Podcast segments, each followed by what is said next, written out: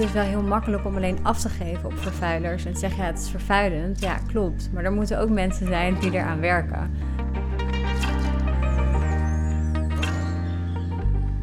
Welkom luisteraars bij deze podcastreeks waarin Jesse Schoenmakers en ik, Daan Disco, op zoek gaan naar inspirerende verhalen van huidige en oud Future Planet Studies studenten.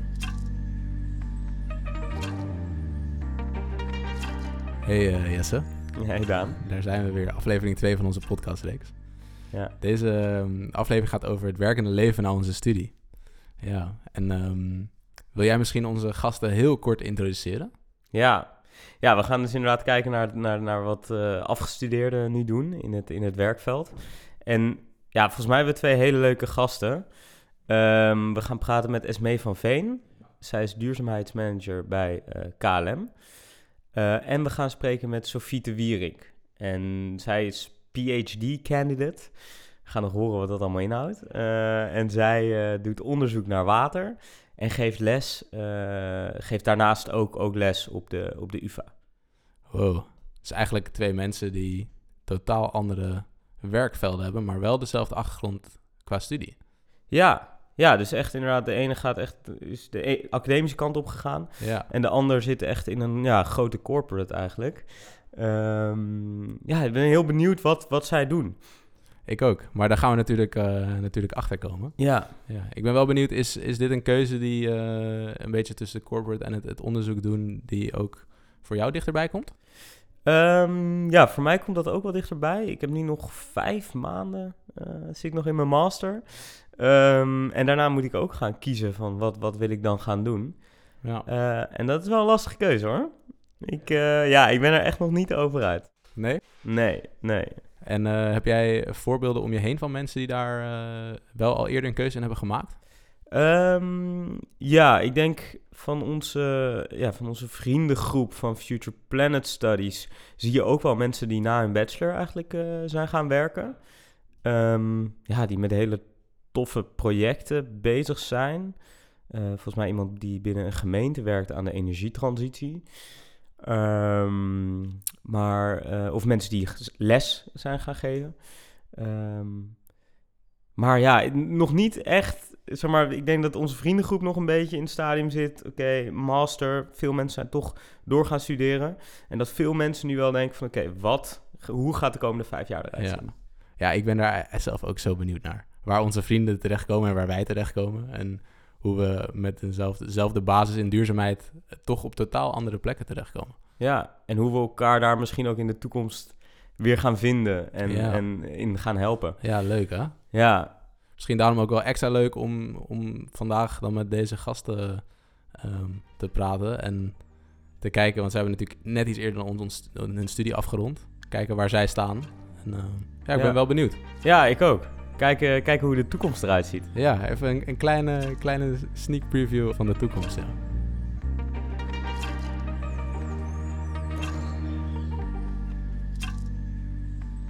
Esmee, fijn dat je er bent.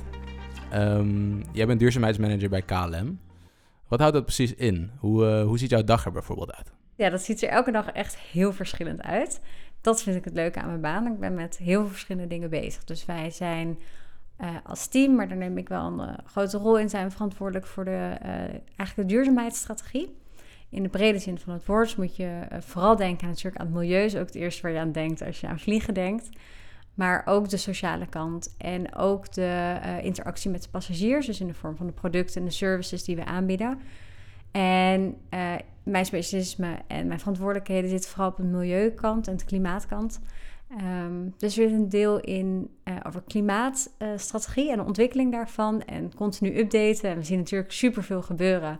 Dus dat is ook continu in beweging. Um, naast het, het, opstellen van de strategie zijn wij ook ervoor om de uh, verschillende bedrijfsonderdelen te helpen met de implementatie van die strategie. Of dat onze engineering afdeling is, of cargo, of de commer commerciële afdeling. Uh, sales, communicatie, eigenlijk uh, alles en iedereen in het bedrijf. Daar werken wij mee samen. Um, en dat, is, uh, dat, dat, gaat echt van, van helpen met projecten tot aan ondersteuning in, in communicatie, in ondersteuning van het opzetten um, van bepaalde projecten en het toetsen of, of wat er gebeurt, of dat ook echt duurzaam is. En denk ik als laatste, om het dan af te ronden, i- is heel belangrijk in verduurzaming van het bedrijfsleven, is dat je de mensen meekrijgt. Want je doet het niet als een, als een klein team. Ehm, dus we werken ook heel veel aan die interne engagement, opleiding van mensen, enthousiasmeren van mensen ehm, en zorgen dat het bedrijf de strategie kent. En eh, ja, daar ook enthousiast over wordt om uh, daaraan bij te dragen. Dat is, dat is echt een hele mond vol. Ja, is het ook. Ja, doet... en dat is wel het leuke en soms ook het ingewikkelde aan je baan. Ja. Dat het zo breed is. Hoe, hoe gaat dat enthousiasmeren van mensen binnen een luchtvaartmaatschappij voor dit thema uh, duurzaamheid? Heel goed, denk ik. Ik denk dat er ontzettend veel mensen zijn bij KLM die de noodzaak ervan inzien. En, uh, en er ook echt wel een warm hart toe hebben. Alleen het lastige vaak is dat mensen toch uit een bepaalde industrie komen, met een bepaalde bril daar zitten. En dat je hun ook moet helpen, heel erg in laten zien van, maar wat kan er dan wel? En uh, de reactie die we eerst altijd hadden was, ja, maar we zijn, we zijn toch vervuilend.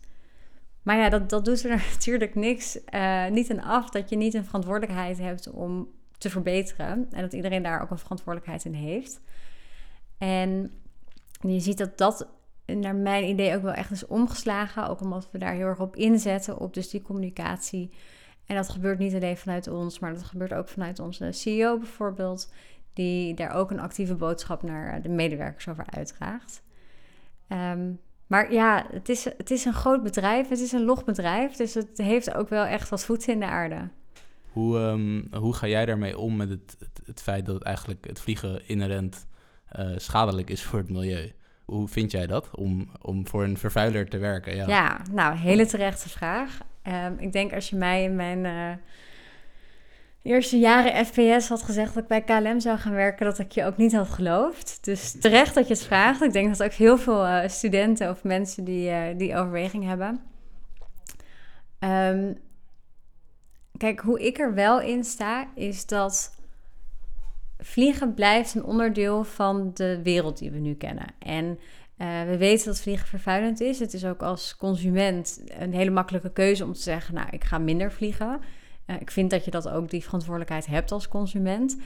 Uh, en dat je daar bewust om mee moet gaan. Um, en ondertussen is vliegen niet meer weg te denken. Is, we zijn zo geglobaliseerd. We zijn zo met elkaar verbonden. En je moet ook niet vergeten dat slechts een heel klein percentage van de mensen überhaupt vliegt nu. En dat dat uh, eigenlijk ook alleen nog maar gaat groeien in de komende jaren. Zeker met de ja, verdere ontwikkeling van, uh, van veel landen.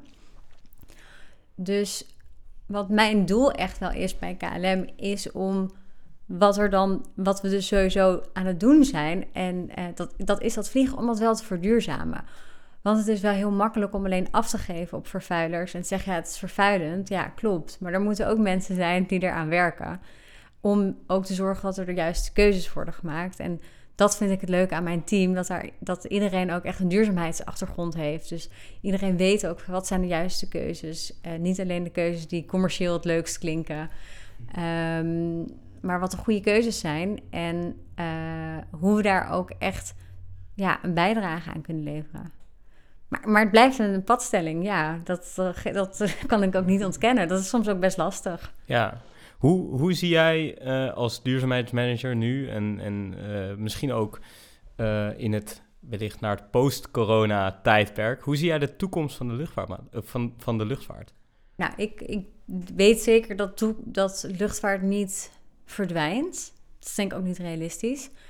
Um, ik zie wel heel erg dat wat we natuurlijk gewoon zien vanuit de, nou, de, wet, de wetenschap hè, over klimaatverandering, maar ook de maatschappelijke druk, dat de, ja, wij noemen dat een license to operate, dus gewoon, ja, waarom, wat, wat is je bestaansrecht, dat die heel erg onder druk staat en dat we wel echt als de wiedeweerga aan de bak moeten. En dat dat ook wel uh, begint door te sijpelen in, uh, in de hele industrie, die bewustwording van de manier waarop we, we de afgelopen 50 jaar zijn gegroeid en uh, hebben ontwikkeld. En het ging eigenlijk alleen maar om sneller en sneller van bestemming A naar bestemming B te komen. Dat daar nu wel echt een, ja, een switch aan in het komen is. Want het gaat niet meer om sneller, maar het gaat om duurzamer. Ik ben eigenlijk wel benieuwd naar uh, een paar van die innovaties. Ik weet niet of je een voorbeeld hebt van iets wat misschien in de toekomst over 50 jaar of Ja. langer, maar, maar waar, waar gaan we naartoe? Nou, kijk, iedereen zegt altijd heel vaak: oh, maar waarom gaan we niet elektrisch vliegen? Dat is denk ik een mooi voorbeeld. En eh, als we kijken naar de huidige batterijtechnologie, is die goed, maar niet goed genoeg voor het vliegen. En waarom niet? Omdat batterijen ontzettend zwaar zijn. Dus als je genoeg batterijen in een vliegtuig zou moeten zetten om eh, vanaf hier naar de overkant van de oceaan te vliegen, dan krijg je dat vliegtuig niet eens van de grond. Zo zwaar zou die zijn. Dus daar verwachten we nog echt wel hele grote veranderingen in. Uh, en of dat in de vorm van batterij is of in de vorm van andere energiedragers, dus waterstof. Maar waterstof kan in verschillende vormen voorkomen, um, waar ook weer verschillende nadelen aan zitten. Dus bijvoorbeeld waterstof is heel groot, dus dan heb je weer een Boeing 747 nodig voor een uh, waterstoftank um, in gasvorm. Uh, waar je dan nog maar acht passagiers in kan vervoeren, terwijl je daar normaal 300 passagiers in kan vervoeren. Um, en andere vormen van waterstof als energiedrager, die behoeven weer bijvoorbeeld een hele um, uh, krachtige um, tank. Uh, omdat er groot explosiegevaar is bij waterstof. en die onder een bepaalde temperatuur moet worden gehouden. Dus vooral op het gebied van energiedragers zijn er hele grote uitdagingen om uiteindelijk, want dat is het doel, van die fossiele kerosine af te komen. Want dat is het vervuilen en die willen we weg hebben. En, uh, maar die energie heb je wel nodig om het vliegtuig op te tillen. En waar nu in ieder geval voor de korte termijn heel erg wordt ingezet, is duurzame uh, brandstoffen. Um, tot op heden voornamelijk vanuit uh, um, van restproducten, van biologische restproducten en afval. Um, maar nu zijn we ook, we hebben net afgelopen maand een eerste vlucht gedaan met synthetische kerosine. Dus dat is kerosine die gemaakt is van uh, waterstof en afgevangen CO2. Nou, dat zijn hartstikke toffe ontwikkelingen, maar dat staat nog onwijs in de kinderschoenen. Dus uh, vliegen op, uh, op CO2 eigenlijk? Dat is het doel, ja. Of, ja, of in ieder geval niet meer op fossiele brandstof. Dat nee. we dat echt in de grond kunnen laten zitten. Ja. En dat de CO2 die we, ja, die we kunnen afvangen, uh, die al allemaal uitgestoten is. Als we daar brandstof van kunnen maken, dan komt het wel daarna ook weer terug in de lucht. Hè? Maar als je daar een circulair proces van kan maken, dan zit daar zeker potentie in. Zo Daan, hoofd in de wolken, toekomstvisies, toekomstbeelden van de, van de luchtvaart. Hoe, uh, hoe vond je het gesprek? Ja, ik vond het heel leuk en interessant. Ja, ik had natuurlijk voor het gesprek begon um, een beetje nagedacht of ik mezelf dan misschien bij KLM zou zien werken als duurzaamheidsmanager. Omdat het toch, ja, toch een vervuiler is. Um, maar ik vond dat Esmee daar wel mooie antwoorden op gaf. En uh, ja, duurzaamheidsmanager bij KLM, het is, het is niet niks. Nee. Nee, het is wel echt zo'n enorme organisatie. En, en ja, de, de, de uitstoot maakt ook zo'n groot deel uit van die organisatie. Dus als je daarmee bezig bent, dat is een vrij belangrijke post. Ja, het is echt wel, uh, ja... Ja, ja, ja, en we hebben natuurlijk met, uh, met de smeden ook wel over gehad. Je, je, moet daar ook wel hard voor werken om daar te komen. Ja, ja en dat heeft ze ook wel gedaan, hè? Ja, ja ze vertelde ons dat ze inderdaad uh, Imperial College in Londen heeft afgemaakt. En wat toffe stageplekken. Ja. ja. Ja, dus ze heeft niet stilgezeten. Ze heeft niet stilgezeten na de, na de studie FWS, nee. Nee, maar dan kom je ook op een vette plek. Ja. Um, en uh, ja, van vette plek naar vette plek. Want uh, we gaan nu gaan we spreken met Sophie. Ja. En Sophie heeft ook hard gewerkt. Hey, um, jij bent PhD-kandidaat. Dat klopt. Wat is dat? Um, een PhD-kandidaat is uh, iemand die eigenlijk over het algemeen na zijn master nog een onderzoekstraject begint. Uh, meestal duurt dat vier jaar. En eigenlijk wat je doet in die vier jaar is een hele grote scriptie schrijven. Dus je schrijft, je schrijft in je bachelor schrijf je een scriptie, daar doe je het algemeen een maand of twee over. Um, dan schrijf je er een in je master, daar doe je dan al wat langer over, meestal een half jaar. Uh, en dan zo'n PhD is eigenlijk een compleet onafhankelijk, of nou niet per se onafhankelijk, maar jij bent als onderzoeker um, heel erg op jezelf aangewezen om dat onderzoek uit te voeren. En na vier jaar moet je daarover een rapport inleveren. En um, het rapport dat jij gaat inleveren, waar gaat dat over?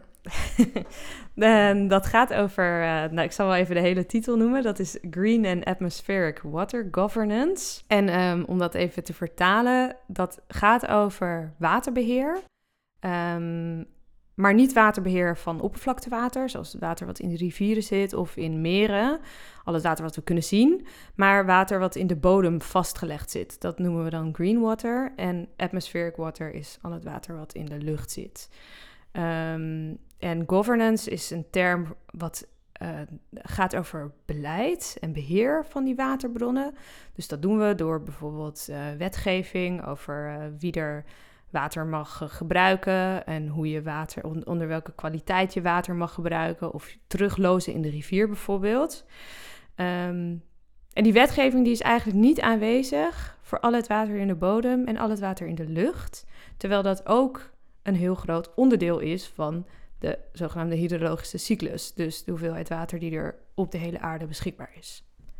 Dus ik kijk eigenlijk naar wat het betekent dat wij die twee waterbronnen, om het maar even zo te noemen, niet meenemen in het beheer en beleid. En we willen eigenlijk aantonen dat het, zeker gezien het feit dat menselijk ingrijpen steeds meer verandert op de, hè, de in de planeet, um, dat het wel belangrijk is dat we die, dat we die bronnen meenemen. hey, en hoe, uh, hoe ga je te werk dan in zo'n onderzoek? Uh, duik je dan alleen maar, ja, zit je alleen maar boeken te lezen? Of hoe, hoe, hoe gaat dat? Ja, dat hangt natuurlijk een beetje van het onderzoek af. In mijn geval, of nou ja, ik denk eigenlijk dat, je, dat elke PhD-kandidaat begint met heel veel lezen. Ik denk het eerste half jaar van zo'n traject ben je echt de literatuur aan het doorspitten. Omdat je vooral omdat je wil weten wat is er al gedaan, wat weten we en wat weten we vooral nog niet. En dat wat we nog niet weten, daar ga je verder uh, proberen te kijken hoe kan ik daar dan een bijdrage aan leveren. Uh, en dat kan op heel veel verschillende manieren. Dat kan bijvoorbeeld door uh, het veld in te gaan en gegevens te verzamelen over, over in dit geval dan water. Dat kan ook door de, uh, gegevens te verzamelen via satellietbeelden. Dat is iets waar ik veel mee werk. Um, maar het kan ook dat je nog verder die literatuur ingaat om veel meer theorie te ontwikkelen of bijvoorbeeld met computermodellen werkt. Dus er zijn heel veel verschillende manieren om, om daar vorm aan te geven. Zijn er uitdagingen waar jij tegenaan loopt, die misschien nu juist in coronatijd nog veel heviger zijn? Um, een uitdaging die ik heb is dat toen ik begon met dit onderzoek, hoopte ik ook heel erg uh, om erop uit te gaan uh, het veld in. En um, ja, toch een beetje op avontuur te gaan, want dat is ook waarom je onderzoek doet. Maar in de praktijk blijkt ook wel dat je gewoon heel veel achter je computer zit te schrijven en te lezen. En zeker door corona zit er nu weinig, uh, zijn er weinig opties om nog het veld in te gaan. Dus dat, uh, dat was een uitdaging om ook mijn verwachtingen bij te stellen en ook het hele onderzoek wat we al hadden vormgegeven, om dat uh, nou ja, ook een soort nou ja, bureau-proof te maken, noem ik het dan zelf maar. Dat ik in ieder geval alles in het onderzoek ook kan uitvoeren achter mijn computer thuis en niet daarvoor afhankelijk ben van dingen die ik elders moet verzamelen. Ja, en hoe heeft, uh, want je hebt ja, Future Planner Studies gedaan. Hoe heeft die bachelorstudie jou eigenlijk voorbereid op het onderzoekende leven? Um, ja, die, die bachelorstudie die, die heeft je denk ik op een paar uh, manieren voorbereid. Um, ten eerste, um, ik heb de major aardwetenschappen gedaan binnen, binnen de Bachelor Future Planet Studies. Dat was echt, uh, ja, dat was ontzettend leuk. wat we daar hebben gedaan, um, is veldwerk. Is echt, um, um, in dit geval zijn we naar Spanje gegaan, maar ook naar Luxemburg. om gegevens te verzamelen. En je leert dan echt wat het betekent om als een onderzoeker het veld in te gaan en bepaalde gegevens te verzamelen. Die, die je moet gebruiken om je argumenten te ondersteunen in je onderzoek. Um, en dan kom je erachter dat het bedenken, van, van, vooral vanuit je bureau en je bureaustoel, um, van zo'n onderzoeksopzet, dat gaat allemaal, uh, gaat allemaal heel snel. En dan kom je eraan en alles is anders. En dat heb je allemaal niet verwacht. En je moet, je moet, je moet flexibel zijn, want je moet, uh, je, moet, je moet je daarop voorbereiden. Um, dat, dat, uh, dat de dingen die je hebt gepland helemaal niet door kunnen gaan op die manier. Dus uh, een stukje verwachtingsmanagement, dat is zeker wat ik daarvan heb geleerd. En een ander ding is, wat ik heb geleerd is uh, veel vaardigheden op de computer. Dus um, het vinden van gegevens voor je onderzoek, het verwerken van die gegevens. Um, binnen de aardwetenschappen, Major, werk je heel veel met, uh, met natuurdata. Dus dat, gaat, dat zijn satellietbeelden, zoals ik net ook al zei, of eh, andere gegevens over, eh, over bijvoorbeeld eh, over water, hoe het stroomt door een rivier. Ehm, en dat zijn vaak hele grote hoeveelheden getallen. En je leert binnen deze Major leer je vooral hoe je daarmee om moet gaan en hoe je daar dan iets van af kan lezen en ook iets uit kan concluderen. Dus je ziet meer dan alleen een lijntje of een, eh, een reeks getallen, maar je ziet ook echt wat het betekent, bijvoorbeeld ehm, als wij ingrijpen in een rivier als mensen. Wat dat betekent voor die rivier. Ja, het is wel leuk hoor. We hadden uh, gisteren Esmee aan tafel. En die heeft natuurlijk ook FPS gestuurd. En die is nu de duurzaamheidsmanager bij KLM. Ehm, en jij bent eigenlijk een hele andere kant op gegaan, de wetenschap. Ik vroeg me af, waarom heb je daarvoor gekozen? Ehm, nou, toen ik klaar was uh, met Future Planet Studies, toen wist ik eigenlijk al heel duidelijk dat ik uh, door wou studeren met mijn master. Toen ben ik naar Wageningen gegaan om International Land and Water Management te studeren. En daarna heb ik een tijdje gewerkt aan de Universiteit Utrecht als junior docent en in het onderwijs. Ik werkte ook voor een natuurbeschermingsorganisatie in Arnhem. En ik vond het allebei hartstikke leuk. Maar wat ik miste was het onderzoek. En ik vond dat eigenlijk heel erg leuk om, om te ontdekken, om te leren. Um, om, om te, vooral om te leren om elke keer opnieuw anders naar de wereld te kijken. En dat is wat onderzoek heel erg doet. Je leert elke keer opnieuw een nieuw perspectief, waardoor je elke dag net een beetje anders kijkt. En dat vind ik gewoon heel erg leuk. Um, dus toen, uh, na twee, ja, tweeënhalf jaar te hebben gewerkt, toen dacht ik, nou, ik ga eigenlijk gewoon, ik wil gewoon het onderzoek weer in. En toen ben ik op zoek gegaan naar een, uh, naar een PhD-positie. En hoe ben je dan ja, uit die zoektocht naar een PhD-positie uiteindelijk op dit onderwerp terechtgekomen? Ja, dat was eigenlijk een schot in de roos. Want op het moment dat ik besloot dat ik, het wel, dat ik een PhD wil gaan doen, toen stuurde mijn moeder een, uh, zo is het letterlijk gegaan, stuurde mijn moeder een, uh, foto van een advertentie in de krant uh, van een PhD aan de Universiteit van Amsterdam. En ze zei, hey, is dit niet wat voor jou? Toen dacht ik, ja, nou eigenlijk wel. En toen heb ik gesolliciteerd en toen is het hem geworden. Dus ja, dat ging echt van een leien dakje. Denkt jouw moeder ook zo mee? in, uh, in mijn toekomst. Ja, in jouw toekomst, waar je terecht zou kunnen komen? Of, uh...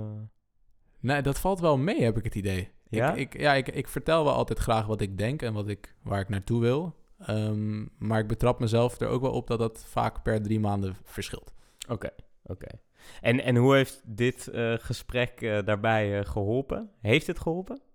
Ja, ik denk het wel ik, ik vond het leuk om te zien dat er dus twee mensen die mijn studie hebben gedaan op zulke verschillende plekken terecht zijn gekomen. En misschien eigenlijk onverwacht ook een beetje op die plekken terecht zijn gekomen. En dat geeft misschien wel rust. Dat ik, ja, ik hoef het nog niet per se te weten. En ik heb nog even een, een studententijd voor me. En dat, um, dat vind ik wel lekker. Ja, en hoe was dat voor jou? Ja, ik herken me daar wel in. En ik denk dat dat ook wel echt lekker Future Planet Studies eigen is dat heel veel mensen dat hebben. Van, nou, ik wil nog niet die keiharde keuze maken. Um, ik wil nog een beetje dwarrelen. Ik wil nog een beetje kijken, kijken wat er op mijn pad komt. Um, en het mooie vind ik dan van zo'n uitzending als deze, um, dat dat wellicht in het begin een beetje kan voelen van, oh wat spannend, ik weet het niet, ik ben, ik ben maar een beetje aan het, aan het aankloten. Maar dat je dan dus uiteindelijk ziet dat mensen op hele vette plekken terechtkomen. Dus dat geeft wel een lekkere rust, ja. Ja. Ik denk dat dit een, uh, een mooi moment is om, om deze podcast-aflevering te eindigen. Ja. Dus uh, lieve luisteraars, dank voor het luisteren. En uh, tot de volgende. Tot de volgende.